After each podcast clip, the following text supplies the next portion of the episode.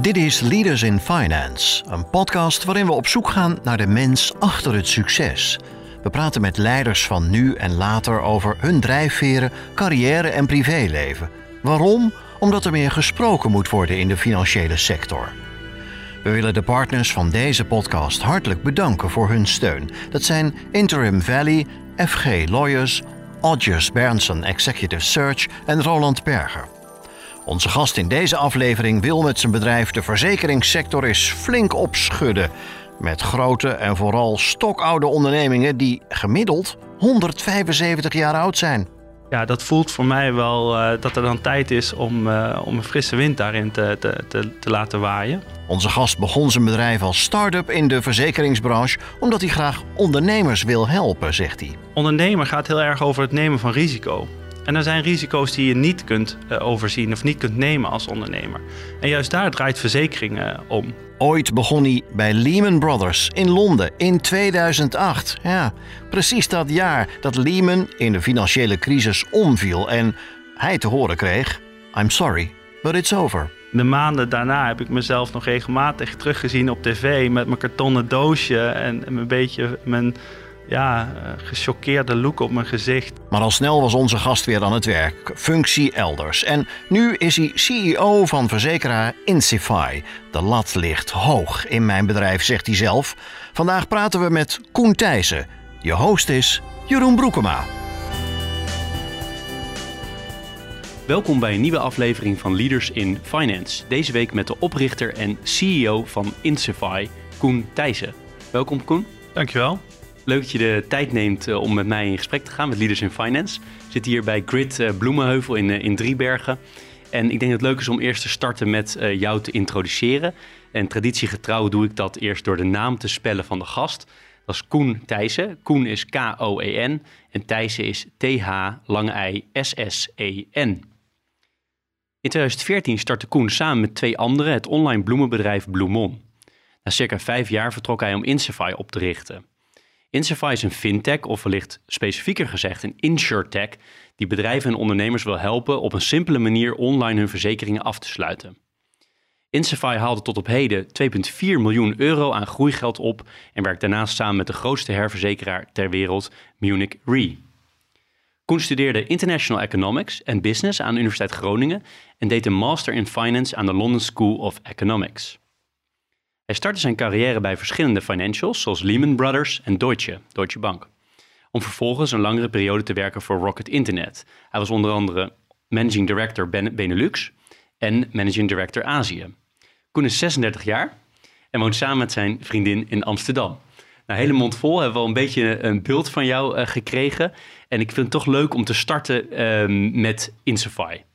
Uh, zullen ongetwijfeld mensen zijn die nu luisteren en het kennen, maar zullen ook ongetwijfeld best nog wel wat zijn die het niet kennen. Um, en uh, het is heel boeiend, want ik heb er wat op ingelezen. Het is heel interessant uh, wat jullie doen. En laat ik eens starten met de stakeholder benadering die ik zo graag doe in deze podcast. En ik heb er een aantal opgeschreven, vijf om precies te zijn. Misschien leuk om te starten bij de klanten. Want wie zijn nou de klanten van Insify en wat bieden jullie die klanten? Ja, onze klanten zijn eigenlijk uh, kleine ondernemers. Dus dan hebben we het over uh, alles van uh, een freelancer tot en met een, een klein bedrijf van, van een man of tien. en typisch hebben deze, dit soort bedrijven ongeveer tot 10 miljoen euro omzet. Ja, en waarom komen ze bij jullie? Ja, als je uit eigen ervaring weet, weet ik hoe lastig het is om, om je bedrijf te verzekeren. Dat gaat um, uh, momenteel nog op een hele traditionele manier. Uh, dus je ziet dat uh, op het moment dat je zo'n verzekering wil afsluiten, dan komt er een adviseur bij je, bij je langs. die gaat een uit, uitgebreid gesprek met je aan. vaak duurt het tot op ongeveer anderhalve maand om, om die verzekering dan rond te krijgen. Um, wat ze bij ons krijgen is dat het veel sneller gaat. Dus het gaat gewoon online. Het kost ongeveer twee minuten om je bedrijf te verzekeren. En dan kun je eigenlijk weer terug naar, naar het ondernemerschap. Uh, en mensen vinden dat enorm, enorm makkelijk. En ook de transparantie die dit met zich meebrengt, waarderen klanten enorm. Mooi. En als het gaat om jouw collega's, hoe groot is je team op dit moment om daarmee te starten? We hebben zo'n beetje 15 mensen in dienst. En wat voor soort functies zijn dat? Ja, jij bent de CEO, maar daarna? Ja, het is heel, het is heel divers. dus enerzijds hebben we een heel groot tech-team. Dat is ongeveer de helft van het bedrijf. Dus mensen die heel goed zijn met, ja, met de technische infrastructuur die we hebben, maar ook specifiek met data. Aan de andere kant hebben we een, een, klein team wat zich richt op het verzekeringsaspect van, van ons bedrijf. Dus hè, de definitie van, van de polissen en, en de, de, randvoorwaarden. En een, een, stuk sales en marketing. Ja, en als het gaat, verder gaat groeien, want jullie groeien hard, heb ik begrepen, of tenminste dat lees ik online. welk gaat het dan diezelfde hoeken in, of zul je dan meer mensen nodig hebben in een van die hoeken? Ik denk dat we in de komende twee jaar over die gehele linie ons bedrijf gaan, gaan uitbreiden. Helder. Dan de, de derde stakeholder. Ik werk ze heel gestructureerd af. De eigenaren. Wie, wie, van wie is dit bedrijf? Het bedrijf is um, van mij, van de medewerkers en van een aantal investeerders. Ehm, dus we werken met verschillende buitenlandse partijen die, die hier geld in hebben gestopt. Ja, want ik zei het in de inleiding even, jullie hebben serieus geld opgehaald hè, voor het bedrijf. En um, ik las ook dat dat, zoals je net zelf ook al zegt, internationale investeerders zijn. Heb je daar specifiek voor gekozen of is dat toevallig zo gekomen? Um, ja, het is, het, lastig te zeggen. Het is de, de, industrie. Um, de investeringsindustrie is in het buitenland groter dan die, uh, dan die in Nederland. Eh, en voor ons type bedrijf, hè, uh, met hele sterke groei, met hele grote ambities, echt de ambitie om een hele grote sector te disrupten, zoals dat heet, um, kun je in het buitenland eigenlijk ja, meer investeringen ophalen. En vandaar dat we eigenlijk al meteen vanaf het begin van Insafari de stap naar het buitenland hebben gemaakt om ons groeigeld op te halen. Helder. De toezichthouder heb ik ook opgeschreven als stakeholder. Denk niet onbelangrijk. Kan je zeggen hoe jullie gereguleerd zijn, hoe dat werkt? Ja, uh, wij worden gereguleerd door de AFM. Uh, wij zijn, uh, hebben eigenlijk twee licenties. Enerzijds als, als bemiddelaar, of intermediair zoals dat heet. En anderzijds als gevolmachtigd agent. En dat laatste betekent eigenlijk dat, dat wij alles mogen doen wat een traditionele verzekeraar ook doet. Behalve dat we het risico niet zelf dragen. Dat risico ligt bij de herverzekeraar in deze. En maakt dat veel uit? Dat je het risico niet zelf mag dragen? Ja, dat, dat uh, beperkt je kapitaalbehoefte enorm. Uh, en je kunt je voorstellen, wij zijn een start-up. Uh, ons klantenbestand moet nog veel groeien. Ook voordat de statistiek van verzekeringen werkt. Ehm, en dus dan is het makkelijker om te zeggen van nou wij focussen ons eigenlijk volledig op het bedienen van die klant. Zorgen dat die customer experience enorm goed is. Ehm, maar het nemen van het risico, dat, dat is nog een, een brug te ver. Maar op termijn ooit, is dat wel het, eh, de droom? Uh, dan kijk wel ver, ver in de toekomst. Uh, maar dat, is, uh, dat staat zeker ergens op die, op die horizon. Ja. En nog een andere vraag over die toezichthouder. Is het nou makkelijk om die vergunningen, of, of hoe je het noemt, maar om die regulering op orde te krijgen toen je startte? Want hoe, hoe lang geleden zijn jullie precies gestart? Uh, ik ben uh, eh, 1 november 2019 uh, eh, zat ik eigenlijk aan mijn keukentafel met, met alleen het idee en verder nog, nog niets. Um, dus we zijn inmiddels alweer twee jaar, twee jaar onderweg. die regulering en, en, en de juiste licenties krijgen, dat was zeker een van de grotere uitdagingen. Wat je ziet is dat um, de verzekeringssector, ook naar aanleiding van bijvoorbeeld de woekerpolissen, enorm veel uh, strakker gereguleerd is. Uh, en dat is denk ik ook goed, hè, de bescherming van het klantbelang. Maar dat betekent ook dat voordat je deze sector inkomt, zeker als buitenstaander, moet je, door, ja, moet je enorme stappen nemen om te zorgen dat je die, uh, de juiste licenties krijgt. Ja, ik kan me voorstellen als je het voor het eerst moet doen dat het vervelend is. Zit je er eenmaal, dan is het ook wel een prettige entry barrier voor, voor andere starters, of niet? ja, zeker. In het, in het proces voelde het een beetje als ehm, deed me denken aan het eiland uh, Tortuga. Um, dat is een eiland uit de, Pirates of the Caribbean. En daar kun je alleen komen als je er al geweest bent. Uh, en, en zo voelt het soms als je deze sector in moet gaan. Uh, het is best wel beschermd. Um, en beschermend naar degenen die er al, die er al in zitten. Terwijl juist ik een persoonlijke overtuiging heb dat het heel uh, waardevol is om ook uh, een frisse wind van buiten uh, te laten komen. Zeker in een, een oude traditionele sector als, als verzekeringen. En als je de, de stakeholders samenleving neemt, dat is misschien wel wat breed voor een start-up, maar hoe kijk je daarnaar? Nou, hoe ik daarnaar kijk is dat ondernemerschap heeft een hele belangrijke rol in, in de samenleving. Het, het, zijn de mensen die banen creëren, die hun nek uitsteken, risico nemen, uh, voor verandering zorgen, ehm, kansen zien, kansen pakken. Um, en dat is enorm belangrijk in onze, in onze samenleving. Um, ik vind het heel belangrijk dat die gesteund worden. En als je daar dan naar kijkt, ondernemer gaat heel erg over het nemen van risico. En er zijn risico's die je niet kunt uh, overzien of niet kunt nemen als ondernemer. En juist daar draait verzekering uh, om. Op het moment dat er toch iets misgaat, dat je denkt: shit, ik, uh, er overkomt mij nu iets waardoor ik of niet meer kan werken, of waardoor ja, mijn bedrijf misschien wel failliet gaat door, door een fout die ik, ik heb gemaakt. Uh, ja, juist dan zijn wij er om, om die ondernemer te, te helpen, die onderneming te steunen.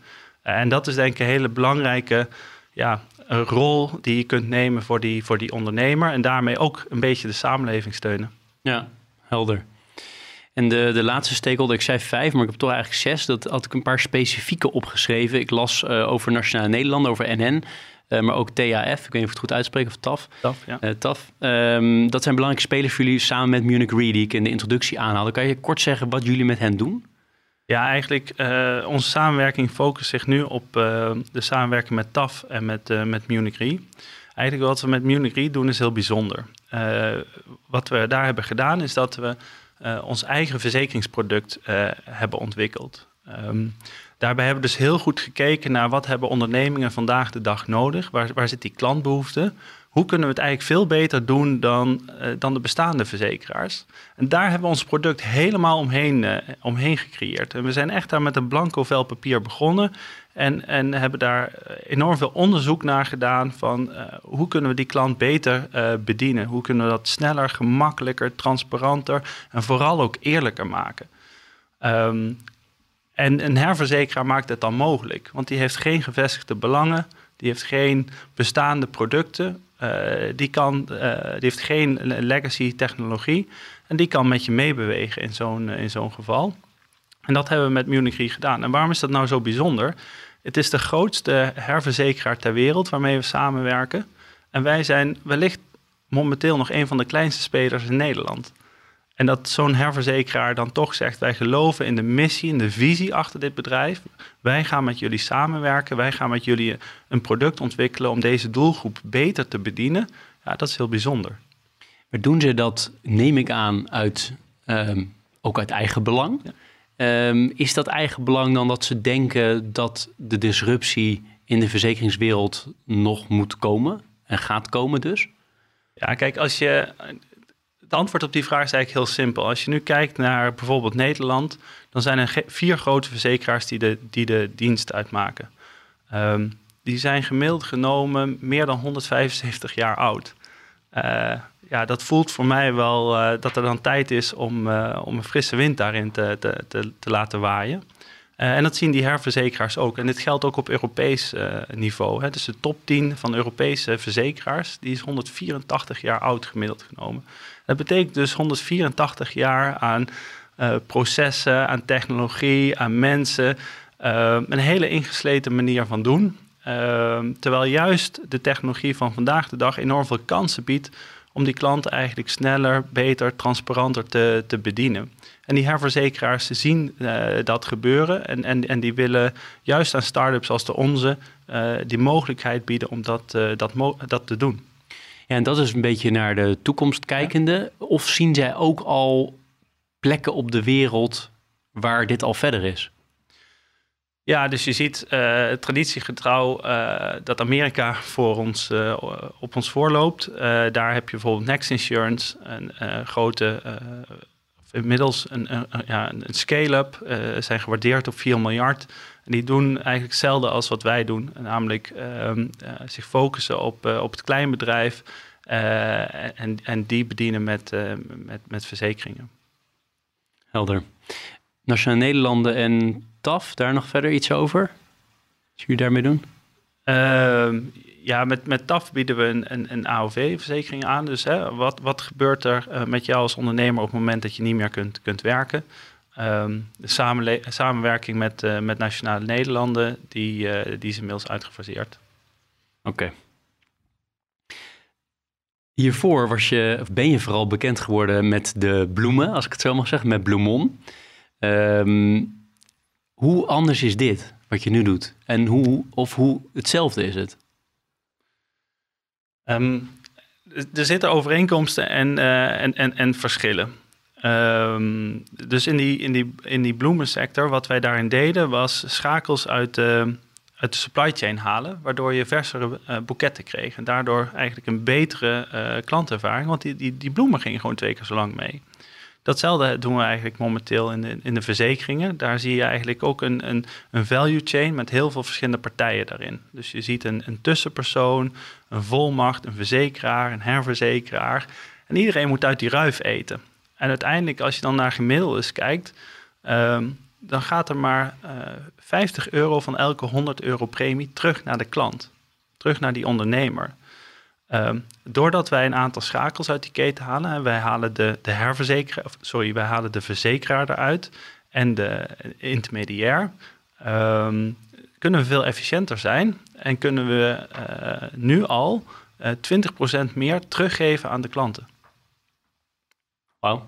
Dus dat is, dat is iets wat, hè, dat de schakels eruit halen of de, de stappen in de chain, dat snap ik heel erg. En, en waar zitten nou echt grote verschillen? Met wat je nu doet, kijk, je hebt natuurlijk de, eh, de scaling kant heb je meegemaakt. Het ophalen van groeigeld heb je meegemaakt. Het, uh, alle voordelen en nadelen van veel mensen aannemen. Uh, heb je ook bij Rocket vaak genoeg gezien. Allemaal van dat soort dingen kan me voorstellen dat heel veel overlap is. En waar is het echt heel anders? ja, waar het echt heel anders is. bloemen is een fysiek product. Uh, kan niet door de brievenbus, is uh, vers, is time sensitive. Uh, ja, dat is met verzekeringen heel anders. Uiteindelijk is het een, een contract enerzijds en een goede behandeling van schade, uh, een goede adequate hulp anderzijds. Um, ja, en dat is toch wel heel anders dan een fysiek product. Tegelijkertijd zit je ook in een veel meer gereguleerde industrie. Um, dus dat uh, ja, vergt weer een, een hele andere effort uh, om, om daarmee compliant te zijn, om, om boven de, de juiste uh, licenties te beschikken. Ja, dat, dat hadden we met, met Bloemon niet. Het is niet zo dat iedere nieuwe klant bij Insafai nog steeds een bos bloemen krijgt, dus dat heb je niet doorgevoerd? nee, zeker niet. Um, we hebben het wel een keer gebruikt bij, bij iemand die tijdelijk arbeidsongeschikt raakte om uh, diegene ook meteen eh, te verrassen met, met een bos bloemen. Uh, juist op het moment dat iemand het even, even zwaar heeft, vonden we dat wel een mooi gebaar. Ja, inderdaad. Als ik naar jouw loopbaan kijk, dan zie ik dat je in de financiële sector begonnen bent. Dan meer de, de tech-ondernemerskant met Rocket Internet opgaat en uiteindelijk de bloemen. En dan weer terug naar de financiële sector. Is dat omdat daar interesse zat? Of is het gewoon, ik ben op zoek naar een nieuw bedrijf wat ik kan schalen en toevallig was het in de financiële sector? Um, nou, het, er kwamen gewoon een aantal dingen bij elkaar. Um, als je kijkt naar, naar, naar mijn soort van loopbaan, um, dan, dan ben ik pas laat eigenlijk een ondernemer geworden. Hè? Ik ben eerst in die financiële sector werkzaam geweest. En op een gegeven moment realiseerde ik me dat de andere kant van de tafel, de ondernemers die wij adviseerden, dat ik die eigenlijk veel interessanter vond dan uh, het werk waar ik zelf mee bezig was. Die hadden echt de kans iets moois op te bouwen. Um, maar ja, als je een, een, paar jaar bij een bank hebt gewerkt, dan heb je eigenlijk niet de skills die een ondernemer heeft. Hè? Als ondernemer heb je een paar dingen nodig. Een, goed idee, uh, ervaring met betrekking tot executie uh, en misschien een beetje geld om, om de aanloop te financieren. Nou, uh, na vier jaar in banking had ik eigenlijk geen van die drie uh, aspecten. Dus ben ik eerst naar, naar Rocket Internet uh, gegaan, ehm, samen met een, met een goede vriend. Daar eigenlijk het ondernemersvak geleerd. Ehm, en toen dat op een gegeven moment zelf in de praktijk gaan brengen met, met Bloemon. En bij Bloemon zag ik op een gegeven moment, doordat ik ondernemer was, hoe lastig het was om ons bedrijf te verzekeren. En ik, ja, ik viel daar echt uh, stijl van achterover dat ik, dat ik dat niet online kon regelen. Dat er echt uh, iemand bij mij langs moest komen en me onder het voorwendsel van advies werd mijn verzekeringen verkocht. En ik wou dat, daar graag voor betalen, want we hadden veel, veel eh, medewerkers zitten. Dus het was ook belangrijk om te hebben. Maar dan nog duurde het een, een maand, anderhalve maand. Ik denk, ik ben een klant, ik wil graag betalen. En, en dan duurt het, duurt het zo lang voordat ik die verzekering heb. En vervolgens, wij, wij, waren een aantal jaar verzekerd, loyale, betaande klant. Toen kregen we een inbraak. En bij die inbraak werden 10 laptops gestolen. Dat was voor ons echt veel geld. We gingen om 10.000 euro. Maar ja, we waren verzekerd. Dus ik diende die claim in. En wat denk je? Die wordt afgewezen. En waarom werd die afgewezen? Ja, als bedrijf, wij waren groeiend. Uh, wij wisselden van kantoor. Vergeten om die polis te updaten. Denk heel normaal. Het overkomt heel veel ondernemers. Maar daarvan zei die verzekeraar: ja, sorry, je hebt je polis niet, niet geüpdate, dus wij betalen niet uit. Wij, wij werden dus niet uitbetaald terwijl we wel een loyale, betalende klant waren.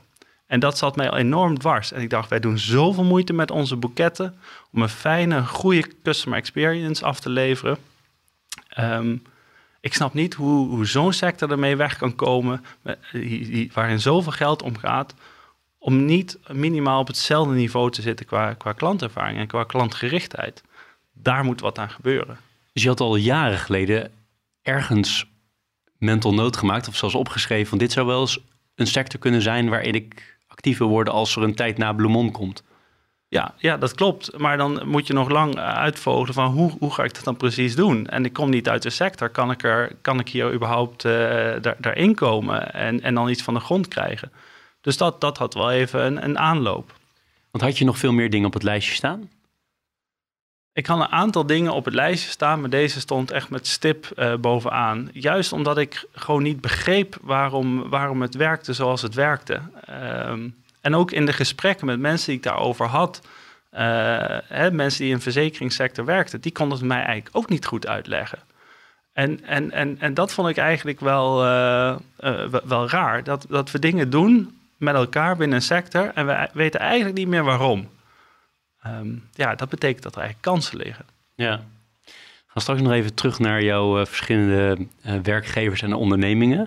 Maar ik zou eigenlijk eerst helemaal de stap terug willen maken naar uh, toen Koen klein was, of geboren werd. Kan je iets vertellen over hoe je, hoe je bent opgegroeid en waar en hoe dat gezin eruit zag en dat soort dingen? Ja, ik ben, ben opgegroeid in, in een klein plaatsje vlakbij Zwolle. Ehm, met, uh, met gewoon een heel traditioneel Nederlands gezin. Dus, um, ik heb een zusje, uh, is vijf jaar jonger dan, dan, dan ik ben. Um, en ja, als ik dat moet karakteriseren, dan denk ik aan een, een heel warm nest. Waarin we eigenlijk als gezin ook heel erg met elkaar in gesprek waren. Dus ik, ik kan me een van de waarden die ik me, met me meeneem is hè, met elkaar in gesprek blijven. De ander begrijpen, samen reflecteren, luisteren, doorvragen. Uh, ja, dat is iets wat, uh, ja, wat wij vanuit uh, af aan, eigenlijk vanuit huis al, al meekregen. Ja, en hoe zag verder? Waren je ouders ondernemers? Waren ze, werkten ze wel, niet? wat, hoe moet ik me dat voorstellen? Uh, ja, mijn beide ouders die, uh, die werkten, waren ook enorm verbonden met hun, met hun werk. Ehm, deden dat vol, vol overgave, werkten ook echt, echt heel hard. maar waren geen, geen ondernemer. sterker nog, mijn vader werkte in de volkshuisvesting. Mijn moeder in, ehm, in het, in het, was psycholoog, werkte in het onderwijs. Um, dus eigenlijk niets, uh, niets ondernemers aan, aan die kant. Dat heb ik echt nog zelf moeten ontdekken. Van dat dat ja, ook een mogelijkheid is. Dat je je omgeving eigenlijk niet als een gegeven hoeft te nemen. Maar dat je daar zelf ook iets aan kunt, kunt toevoegen. mooi hoe je dat zegt. Je omgeving niet als gegeven hoeft te nemen. Zeg je het goed? Ja, zo ja. zei je het. Ja. Heb je dat vaak gehad in je, in je leven tot nu toe? In, in welke zin? Nou, dat je vaker dacht van... hé, hey, ik, ik, dit kan ik echt heel anders zien... dan dat ik dacht in mijn omgeving waarin ik leefde. Ja, wat je eigenlijk merkt... en, en naarmate je ouder wordt... Uh, word je daar comfortabeler mee... dat als je een afwijkende mening hebt... Of, of ergens een kans ziet... of denkt dat iets anders kan... dat je het ook best wel eens voor elkaar kunt krijgen... om, om het dan ook anders te doen. En dat je daar ja, niet hoeft aan te sluiten bij uh, hoe de massa het doet, maar ook best eens een, een afwijkende gedachte daarover kunt, uh, kunt hebben. En daar ook, ook mensen omheen kunt, kunt verzamelen die daar ook enthousiast, uh, enthousiast over zijn. Steve Jobs zegt dat in een van zijn, zijn toespraken heel mooi. Hè? Connecting the dots heeft hij dan over. En als je terugkijkt, dan lijken dingen toch wel vrij logisch met elkaar samen te hangen. Ja, en als ik dan kijk naar de, uh, de, de, stappen die ik zelf heb genomen, dan zit daar altijd wel een vrij logische uh, uh, ja, samenhang in. Ik denk een van de dingen die ik ehm, ook met me mee heb genomen, is dat je. eh, dat ik wel bereid ben eh, een veilige omgeving los te laten. Dus met andere woorden, ehm, ik, werkte in banking, dat is een hele veilige omgeving. Elke drie jaar kun je een promotie maken. Eh, je verdient een goed salaris. Eh, ja, je zit daar eigenlijk met gouden handboeien.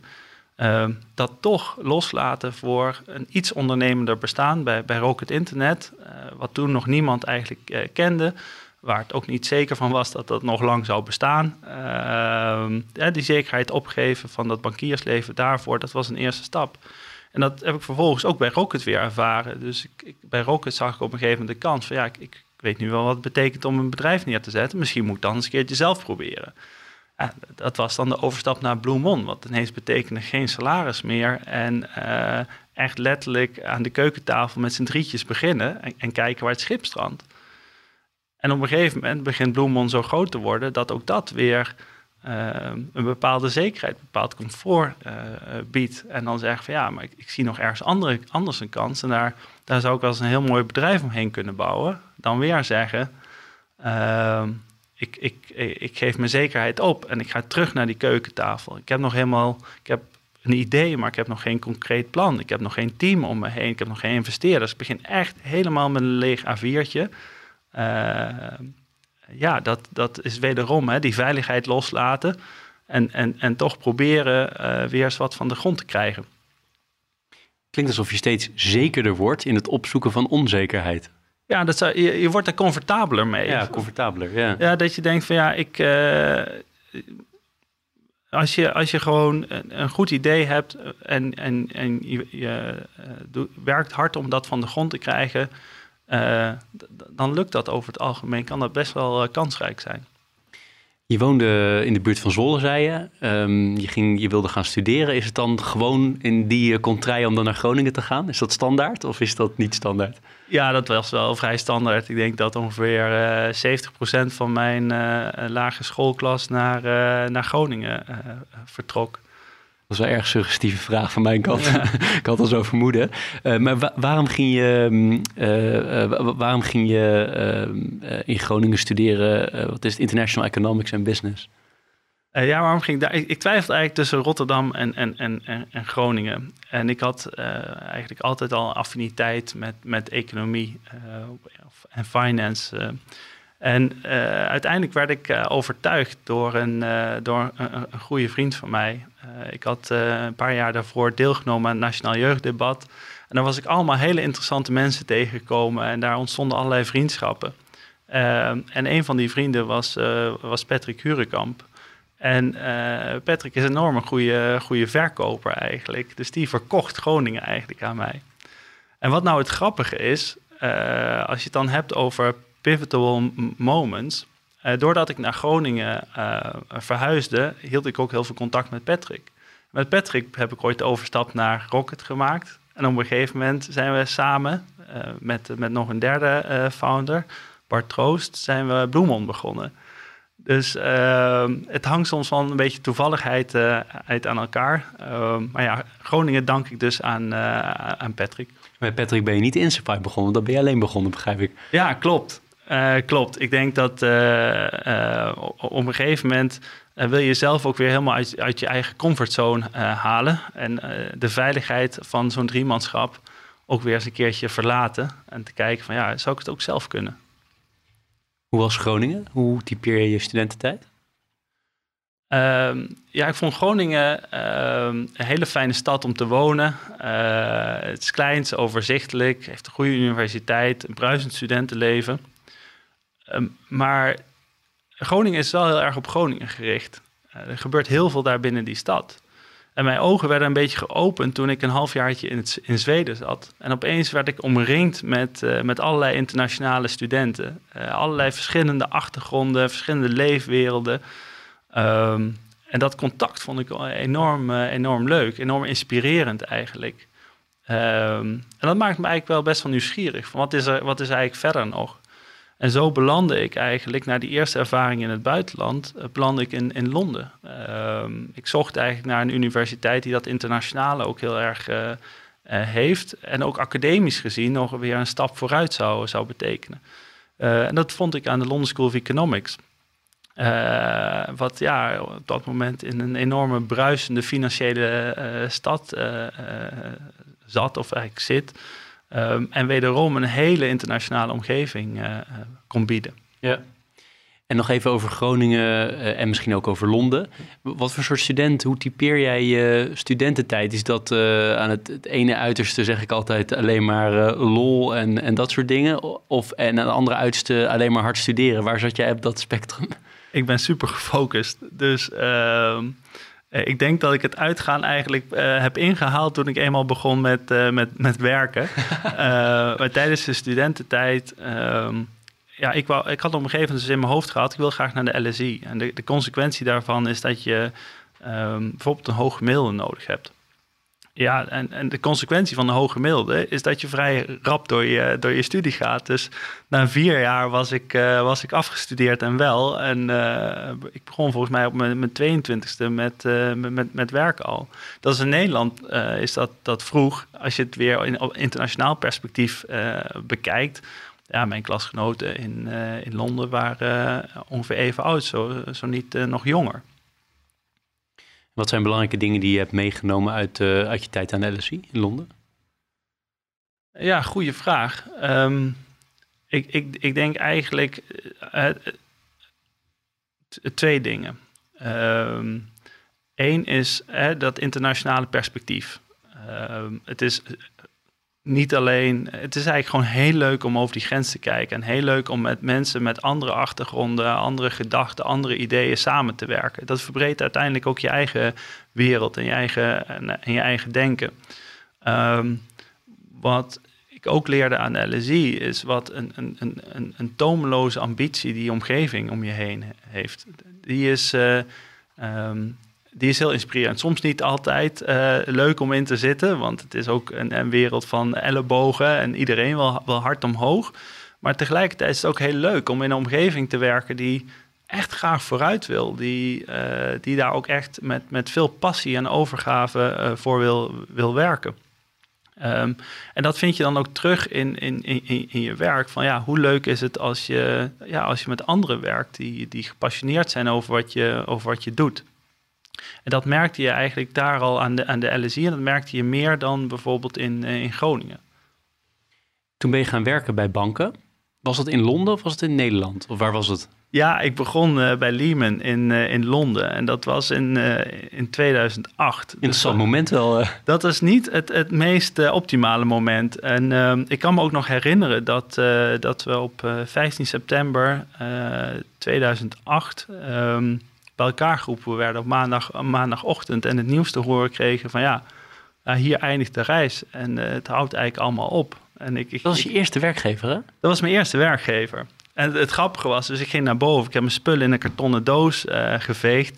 Ik ben naar buiten gelopen en recht in een fuik van, uh, van journalisten. Dus de maanden daarna heb ik mezelf nog regelmatig teruggezien op tv met mijn kartonnen doosje en, en een beetje mijn ja, uh, gechoqueerde look op mijn gezicht. Uh, uh, ja, hoe ik daar het, uh, het Lehman kantoor uitliep.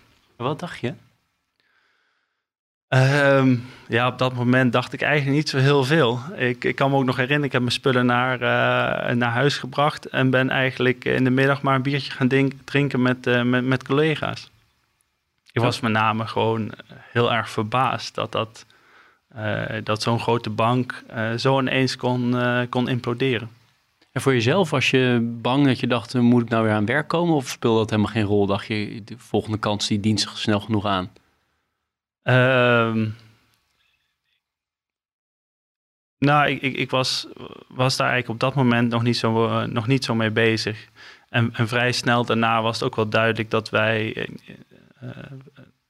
met het team waarin ik werkte een doorstart konden gaan maken. En uh, uh, voor ik het wist, zat ik eigenlijk weer, uh, weer tot 1, 2 uur s'nachts te werken op, op, op, projecten. dus um, verlangde ik nog wel even terug naar dat, die, die, kroeg en dat biertje, moet ik zeggen. En dat is even een vraag die ik je wilde stellen, omdat ik Londen zelf ook goed ken. Het is natuurlijk wel een bepaalde werkcultuur. hoe heb je dat zelf ervaren? Zat je inderdaad, werkte je inderdaad enorm hoeveelheden uren? Ja, dus mijn werkdag begon om 9 uur. En die eindigde om uh, twee uur s'nachts. En dan met twee uur s'nachts met een taxi naar huis. En dan de volgende dag weer. Ehm, ja, en dat was ook wel een periode dat ik in, in, in ik werkte op Canary Wharf. En daar kom je s ochtends aan in de metro die zoeft dan binnen. En dan gaan de deuren open. En dan hoor je mensen uitstappen. Maar je hoort niemand praten, je hoort niemand lachen. Je hoort eigenlijk voetstappen op, op marmer. En ik keek om me heen en ik dacht, ja, hier, hier ziet er eigenlijk niemand echt gelukkig uit. Ik zie niemand lachen, ik zie niemand plezier hebben over wat ze, wat ze zometeen de komende twaalf uur weer, weer gaan doen. En dat was ook wel een inzicht dat ik dacht van, nou, Londen is inspirerend, het is interessant. Het is, uh, die financiële sector is daar op, op wereldniveau enorm vooraanstaand. Uh, maar de kwaliteit van leven, uh, die is in Nederland een stuk beter. En, en daar maakte ik ook eigenlijk het besluit van. Ik, ik, enerzijds dat competitieve van die stad vind ik heel leuk. maar ik wil het wel ietsje meer ehm, uh, ietsje meer naar de menselijke maat hebben. Zeg maar. toch heb je nog een aantal jaar gewerkt. Dat klopt, maar toen heb ik dat vanuit Amsterdam gedaan. Uh, en wat daar eigenlijk, daar had je eigenlijk wel de voordelen van nog steeds gelinkt zijn aan een internationaal, internationale werkgever. En nog steeds op hele interessante projecten werken. Maar wel een beetje meer de Nederlandse cultuur, die toch wat meer pragmatischer is. Ook wat, Londen is best wel hiërarchisch. Nederland is toch wat pragmatischer ook op dat, dat gebied. En dat maakt het eigenlijk veel leuker. En nog steeds werkte ik gewoon tot, uh, tot één uur s'nachts elke dag. Uh, maar wel iets meer met een glimlach. Hield je het makkelijk vol zelf? Of had je wel eens een moment dat je zegt... ik kwam bijna in een halve burn-out terecht? Uh... Nee, dat, dat, dat hield ik vrij makkelijk vol. Maar je zit in een omgeving waar dat normaal is. Je ontbijt op kantoor, je lunch op kantoor, je eet avond, je hebt je avondeten met, met je collega's.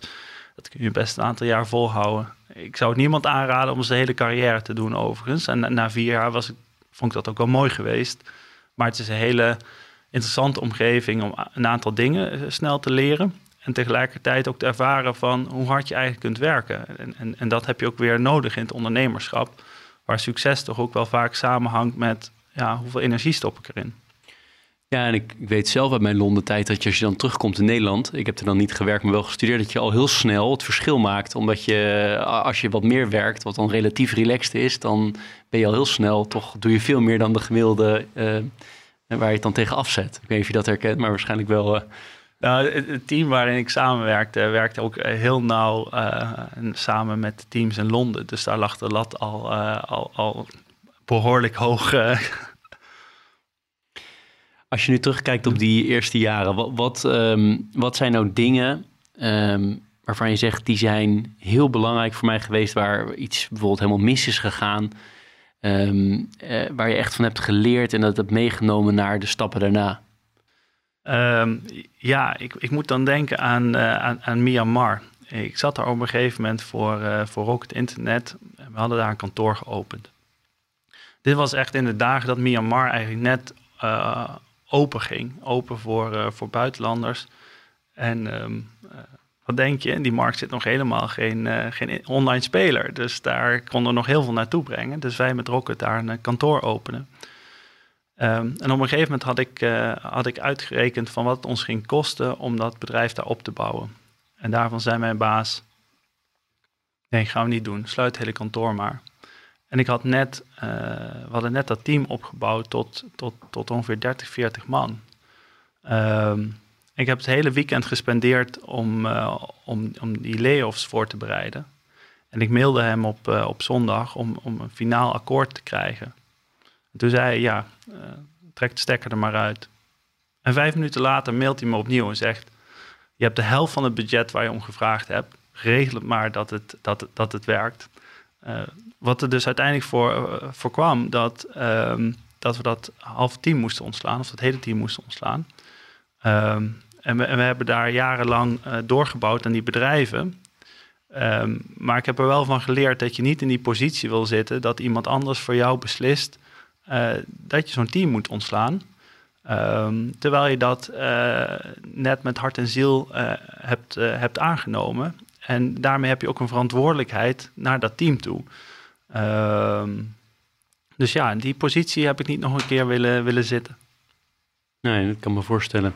Nou ja, sowieso mensen ontslaan. In de voorbereiding zag ik ook dat jullie ook bij Bloemon uh, ups en downs hebben gekend. Ook wel eens weer mensen moeten aannemen, weer mensen moeten laten gaan. Ik kan voorstellen dat het altijd pijnlijke momenten zijn. Ja, dat, dat, ik denk dat dat echt het, het, zwaarste is uit, de, uit het onder, ondernemerschap.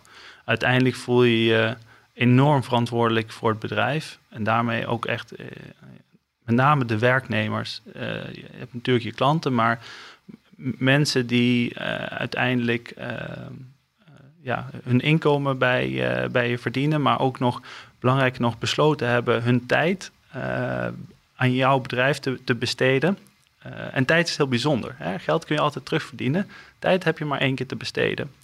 Als je dan aan mensen die hun vertrouwen aan je hebben geschonken, toch moet zeggen van ja, sorry, maar um,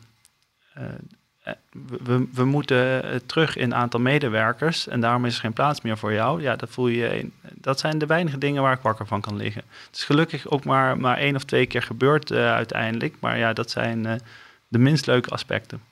Ja, want je lijkt, uh, je zegt nou, ik heb er helemaal geen last van gehad dat ik van 9 uur s ochtends tot 1, 2 uur s'nachts werkte. ben je dan heel stressbestendig? Ja, ik, ik denk het. Um, uiteindelijk, kijk, ehm, er zijn eigenlijk. Je hebt twee typen zaken als ondernemer. Je hebt de dingen waar, die buiten jouw controle liggen. En je hebt de dingen die binnen jouw controle liggen. Er zit ook nog iets tussen. Hè? Sommige dingen kun je met veel werk binnen je controle halen. Um, maar ja, het is eigenlijk heel simpel.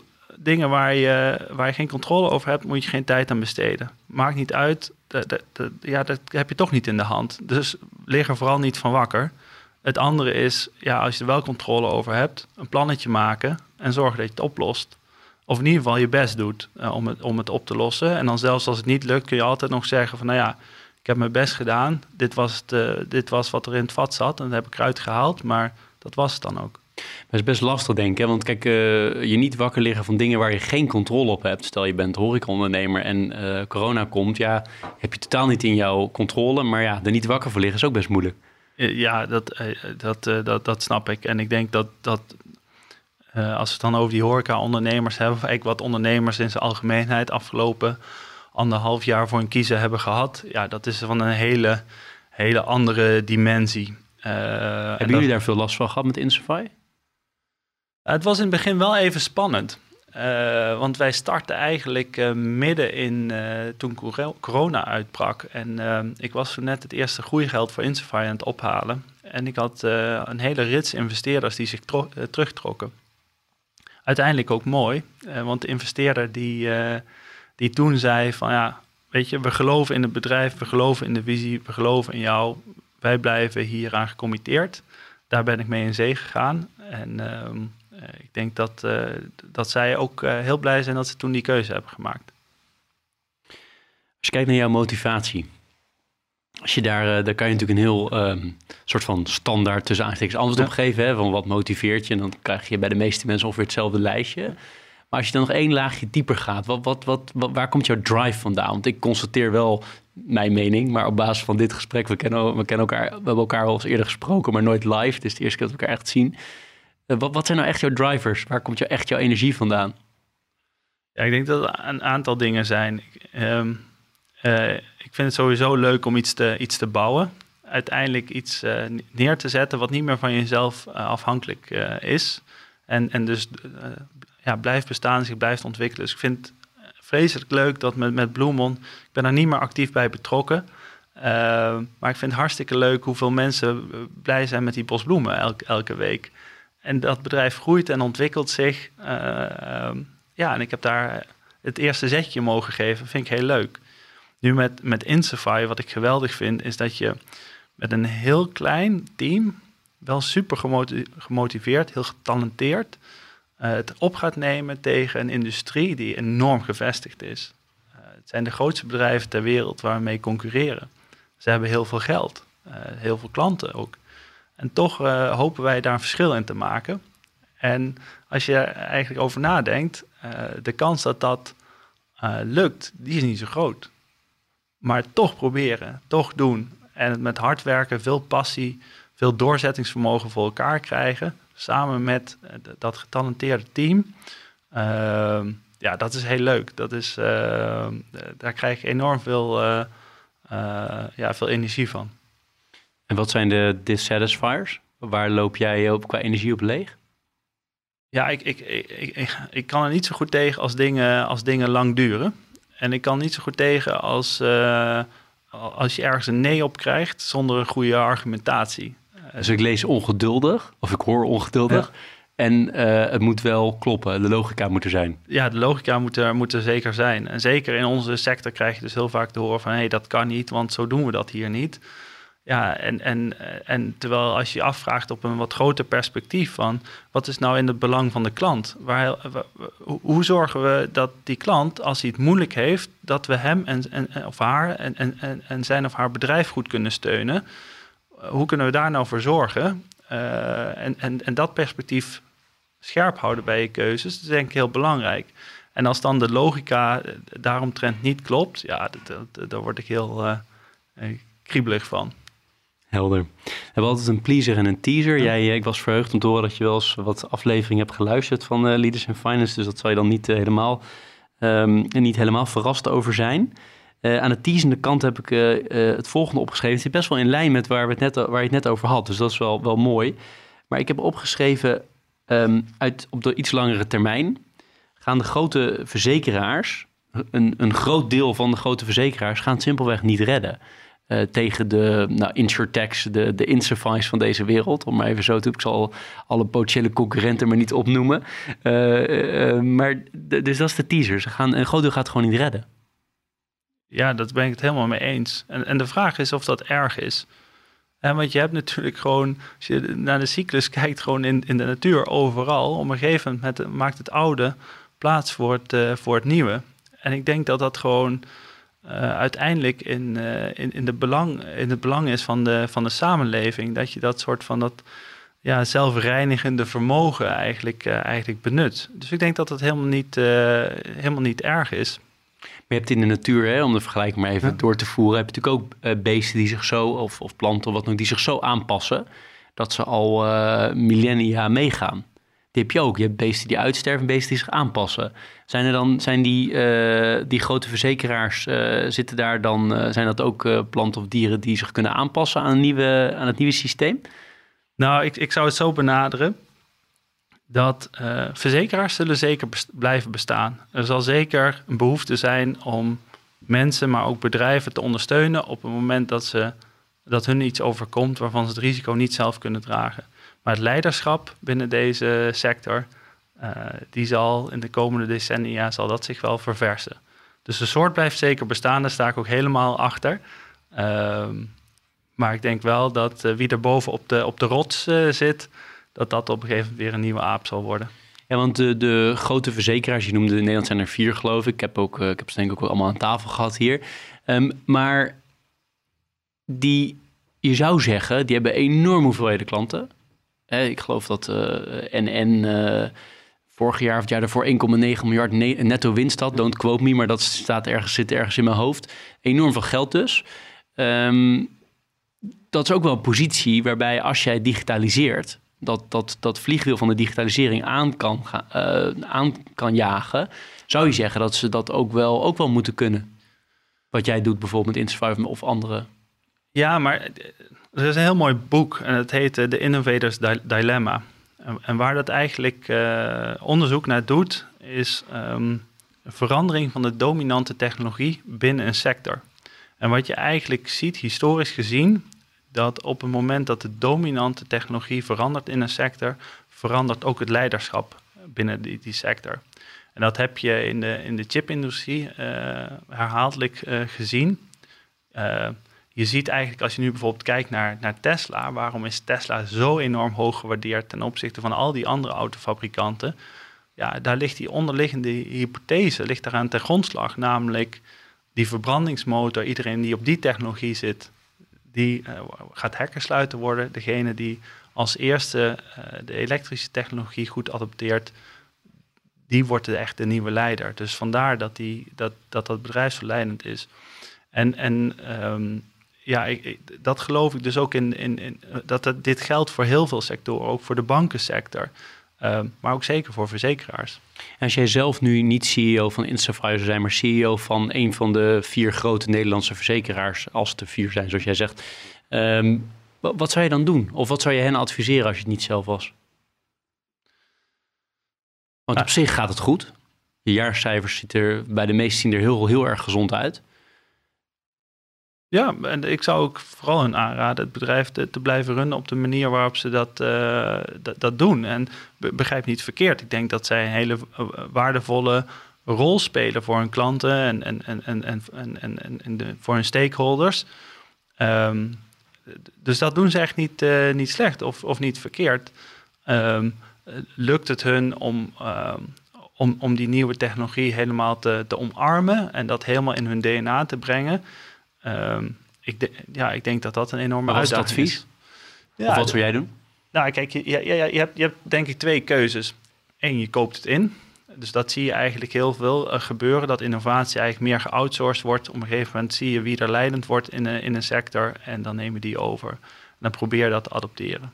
En, en vaak lukt dat dan overigens dan, dan niet. Uh, de tweede keuze die je hebt is gewoon zorgen dat je je bedrijf goed runt. Dat je eigenlijk uh, er nog uithaalt wat erin zit. En accepteert dat over tijd uh, ja, dat je dat leiderschap misschien kwijtraakt. Maar het hoeft niet slecht te zijn. Hè? Je kunt nog steeds een goed resultaat voor je aandeelhouders be bereiken, een goede dienst verlenen aan, aan, je klant. Maar net zoals dat IBM niet meer de grootste uh, computerfabrikant is, ja, het bedrijf bestaat nog steeds wel, neemt een relevante positie in. Uh, ja, het is niet meer de grootste computerfabrikant, maar dat is niet erg. Is het ook mogelijk om, uh, denk in jouw visie, om je bestaande business heel goed te runnen? Daar komt nog veel, uh, veel uit. Maar tegelijkertijd daarnaast een, een, um, een insurtech op te zetten uh, en die te laten groeien parallel. Je eigen business uit te, uit, uit te nutten klinkt heel negatief, want het gaat natuurlijk gewoon hartstikke goed. Um, maar om daarnaast dat te runnen. Of je eigen bedrijf gewoon heel, heel erg sterk te digitaliseren, zowel in de klantbeleving als de systemen erachter. Kan dat? Als ik erover nadenk, kan ik eigenlijk weinig voorbeelden bedenken waar dit uh, succesvol is, uh, is, is uitgevoerd. Um, ik, ik, denk op een gegeven moment wat, wat, wat lastig is, um, als je iets. Als, als je een, een nieuwe tak bijzet die dan ook een soort van meer technologisch gedreven is, ja, op een gegeven moment gaat hij je gevestigde belangen schenden. Ja, wat doe je dan? Wie geef je voorrang? Die business waar 2 miljard uit komt? Of, of de toekomst?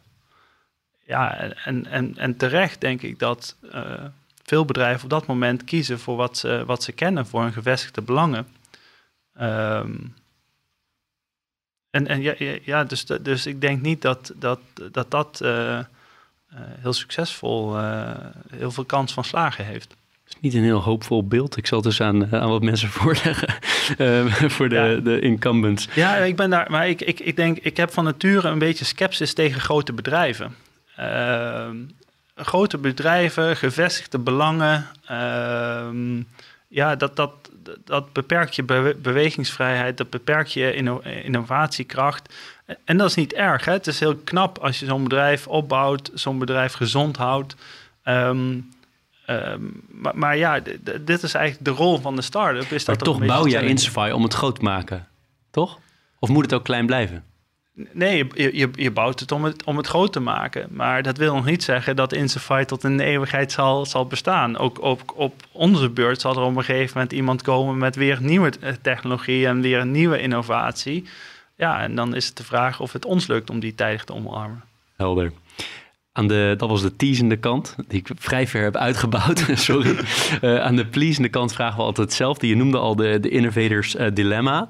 Heb jij, uh, lees je graag? Um, en zo ja, zijn er bepaalde boeken die jij hier wil noemen, wil delen? Uh, ja, ik lees heel graag. een van die boeken die ik een aantal jaar terug heb gelezen, ehm, dat is het boek Grit van Angela Duckworth. Hoop ik dat ik het goed zeg. Ja, Angela Duckworth, ja.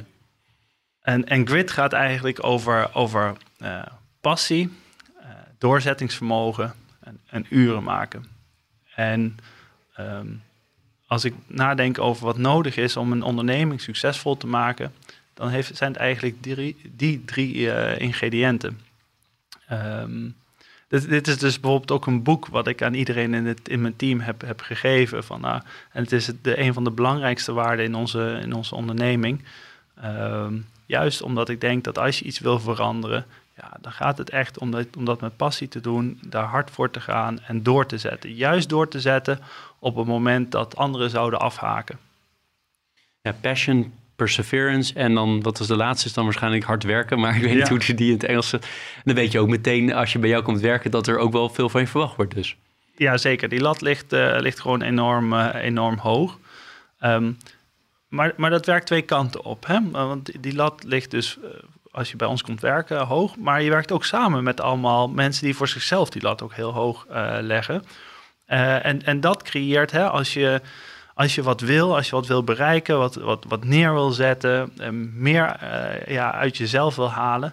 Ja, wat is er leuker om dan, dan met mensen samen te werken die dat ook willen? Die ook gepassioneerd zijn over wat we doen. Die ook mooi vinden dat we een sector proberen te disrupten die in onze optiek helemaal vastgeroest is. Uh, dus ja, dat, dat, dat, dat werkt twee kanten op. Welke tips heb jij voor mensen die nu uh, uit de LSI komen of uit Groningen komen of waar dan ook uit hun opleiding komen en startende zijn op de arbeidsmarkt? Uh, ja, eh, ik vind het altijd heel lastig om, uh, om te zeggen uh, hè, wat, wat, dat soort mensen zouden moeten doen. En ik denk dat het een hele individuele keuze is. Ik denk dat het met name belangrijk is dat je het, het, het, het, pad, het pad kiest wat bij jou past. en het, het, pad wat ik of anderen hebben gekozen, ja, dat paste toen op, op dat moment ik denk wel uh, waar ik veel kansen zie, of wat, wat ik nu zou doen als ik nu zelf zou afstuderen, is heel goed kijken naar in welke industrieën zie ik langer termijn groei. Waar, doen zich kansen voor? Gewoon door, de, door technologie of door uh, bijvoorbeeld klimaatverandering. En waar zou ik dan mijn tijd aan willen, willen besteden? Ik denk dat het altijd leuker is om in, in, in, in sectoren te zitten uh, waar groei is, waar er dynamiek is, want dat brengt kansen met zich mee. Uh, kansen om jezelf te ontwikkelen, maar ook een, uh, ja, een, een impact te, te, hebben op het bedrijf waar je, waar je voor werkt. Je hebt zelf bij multinationals gewerkt. Je hebt bij meer in de start-up scene, maar wel een, een super fast moving start-up scene in Rocket Internet gezeten. Je bent zelf ondernemer geweest met met een aantal anderen. Nu doe je het helemaal zelf, met je team uiteraard, maar toch. Waar ben je nou uiteindelijk het meest trots op? Als ik kijk naar waar ik echt, echt trots op ben, dan is het eigenlijk het moment dat je, waar ik net met Insify doorheen ben gegaan. Uh, het is het moment dat je eigenlijk nog eerst met helemaal niets uh, uh, komt te staan. Of, of ervoor kiest om met niets te beginnen, met een leeg A4'tje. Een idee neer te zetten, dat idee uit te werken. En daar dan een team omheen te verzamelen, investeerders bij te betrekken, klanten voor te enthousiasmeren. En te zien dat dat idee, wat eerst nog niet bestond, zijn eigen leven gaat, uh, gaat leiden. Dat mensen daar wat van vinden, dat ze er baat bij hebben, dat ze er een deel van hun carrière aan wijden. Uh, ja, daar ben ik enorm, uh, enorm trots op. Mooi. Het is ook weer dat bouwen wat, wat je eerder benoemde volgens mij. Hè? Dat je zelf iets, iets bouwt. Um, richting de afronding. Um, hoe organiseer jij werk en privé? Want het, tot nu toe uh, is er wel een beeld ontstaan van iemand die niet uh, parttime werkt. Integendeel, iemand die bereid is en dat ook leuk vindt om veel uren te maken. Uh, volgens mij, mijn invulling, maar ook wel gelooft in de 10.000 uren regel. Dat als je ergens goed in wordt, dat je ook moet investeren. Dat is ook wel het Duckworth boek. Ja. Maar hoe manage je dat? In de inleiding zeiden we ook, je hebt een vriendin, je hebt vrienden, je hebt sociaal leven. Hoe, hoe combineer je dat? Hoe doe je dat? Werkt dat? Nou, allereerst, ik, las uh, onlangs een quote van uh, Niklas Zenström, de, de oprichter van Kaza, uh, van, van Skype, founder van Atomico, grote investeerder. Ehm, ja, entrepreneurship is not a job, it's, it's what defines you. Um, and it's a lifestyle. En ik denk dat dat heel erg waar is. voor mij is het bouwen van een bedrijf is ook een uiting geven aan mijn eigen persoon, aan mijn creativiteit dat staat altijd aan. Uh, of ik nou aan het werk ben of niet. Uh, het is waar ik, waar ik over nadenk, waar ik, waar ik bij wijze van spreken over droom. Waar ik in het weekend, als ik aan het wandelen ben of aan het fietsen ben, ja, over mij. Maar ehm, ja, en dat is niet erg. Want het, het is een verlengstuk van wat ik van, van mijn eigen creativiteit. Dus ik, ik ervaar het minder als ik ben met werk bezig. Ik ben eigenlijk ja, mijn, mijn, ja. hoe ervaart die omgeving dat? Uh, dat zou ik hem moeten vragen, maar je hebt er waarschijnlijk wel een bepaald beeld bij. Uh, nou, dus mijn, mijn, wat ik merk is dat ik hier ook heel veel over praat met mijn, uh, met mijn vriendin. Dat we daar ook samen over reflecteren. Dat we nadenken over, over de dynamiek. Ehm, eh, en dat zij het ook gewoon leuk vindt dat ik daar met zoveel passie en energie mee, mee bezig ben. Als je kijkt naar mijn omgeving, daar zitten heel veel ondernemers in. Uh, ja, en je hebt altijd dezelfde uitdagingen waar je tegenaan loopt. Of, of je, en dat, dat zijn vaak dezelfde eh, uitdagingen over ondernemingen en sectoren heen. En dat is eigenlijk alleen maar leuk om over, om over uit te wisselen. En hoe blijf je fit? Ja, hoe blijf je fit? Mentaal, fysiek? Ja, gewoon uh, blijven bewegen en wel uh, goed, goed rusten. Ja, het is heel bazaal, maar... Lukt dat? Ehm, ik heb heel veel, ik, ik, zal iets aan toevoegen. Ik heb heel veel gasten ook aan tafel die zeggen, nou ja, kijk, ik kan daar het ene antwoord op geven, even mijn manier van verwoorden. En dat is namelijk dat ik zoveel keer per week sport en ik lees nu en dan, ik doe wat andere dingen. En de andere deel zegt eigenlijk gewoon van, of het andere antwoord is eigenlijk, ja, ik vind het gewoon ongelooflijk moeilijk om, om echt rust te nemen. Ja, oh, echt rust, dat, dat, is, dat, dat lukt niet, punt. een beetje bewegen, een paar keer per week, een uurtje ja, dat, dat, dat, dat lukt, lukt wel. Maar ja, ben ik super fit? Nou ja, een paar uurtjes extra per week zou mooi zijn. Ene laatste vraag. Um, en dat is iets langere termijn. Je bent 36 volgens mij, zei ik in de inleiding. Waar, waar gaat het naartoe met jou? Want je, je hebt nog ongelooflijk uh, veel dingen kan je gaan doen. Waar, waar zie jij jezelf lange termijn? Dat, ik kan me voorstellen dat je antwoord is, ja, dat plan ik niet. Als dat zo is, nou prima. Maar je hebt misschien wel eens dat je, haalde net het woord mijmeren aan, vind ik mooi. Dat je wel eens mijmert over van de hele lange termijn, dan zou ik nog wel eens dat of dat willen doen. Um, ik, ik, ik, las uh, onlangs een artikel in de uh, Harvard Business Review. En dat ging erover um, wie nou precies succesvolle ondernemingen opricht. En uh, uit onderzoek blijkt dat dat gemiddeld genomen een, een oprichter is van rondom de 45. En voor de outliers die we kennen, hè, de, de Steve Jobs, de Jeff Bezos van deze wereld, die al eerder een op, op, uh, onderneming oprichten, zie je dat eigenlijk hun meest productieve jaren rondom de 45 liggen. Dus wat dat betreft heb ik nog, nog even om, uh, om echt productief te worden. Uh, wat dat betreft is het nog maar, maar voorspel. Um, het belooft interessant te worden. ja, dus, um, ja weet, weet, ik niet. Eh, dat, dat, moet alleen nog maar, dat is alleen nog maar ambitie. Um, kijk, ik denk wel, uiteindelijk zijn er uh, thema's die, die breder relevant zijn in onze samenleving. Ik denk één daarvan is, uh, is klimaatverandering. als ik mezelf in een verre toekomst nog een keer uh, vrij weet te spelen dan, uh, dan zou, zou een volgende onderneming eh, meer bezig zijn met dit, uh, met, met, met dit thema en kijken hoe je uh, daar iets relevants kunt, kunt bouwen. Leuk. En tot slot als allerlaatste vraag, de vraag of ik nog iets gemist heb. Ik heb heel veel mogen vragen, ga ik je straks ook voor bedanken. Um, maar is er iets waarvan jij zegt, dat zou ik wel interessant vinden om te delen? ja, ik, ik denk dat er voor mij nog één punt is, want we hebben het best wel veel hè, over het, bouwen van een start-up gehad.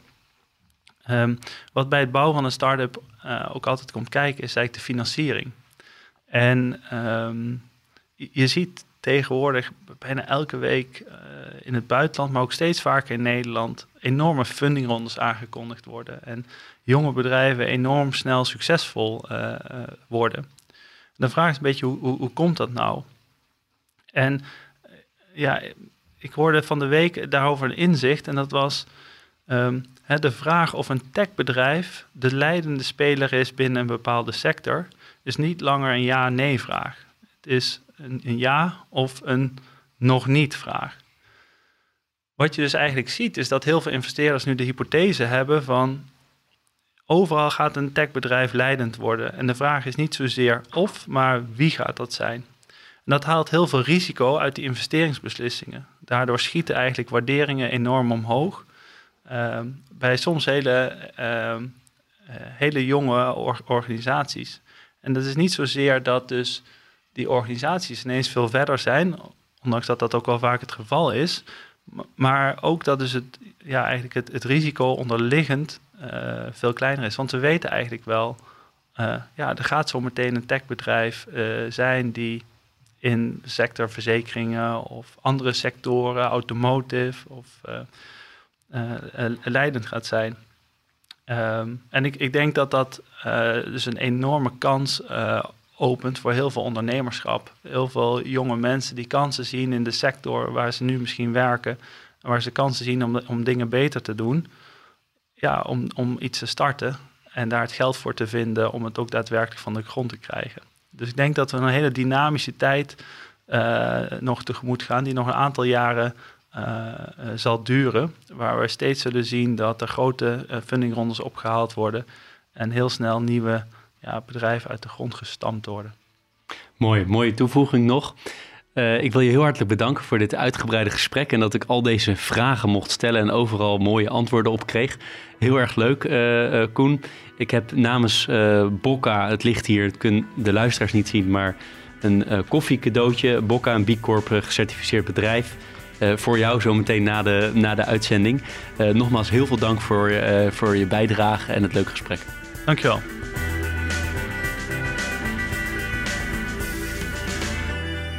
Dit was Leaders in Finance. We hopen dat je deze aflevering met veel plezier hebt beluisterd. We stellen je feedback erg op prijs. Wat houdt je bezig en over wie wil je meer horen?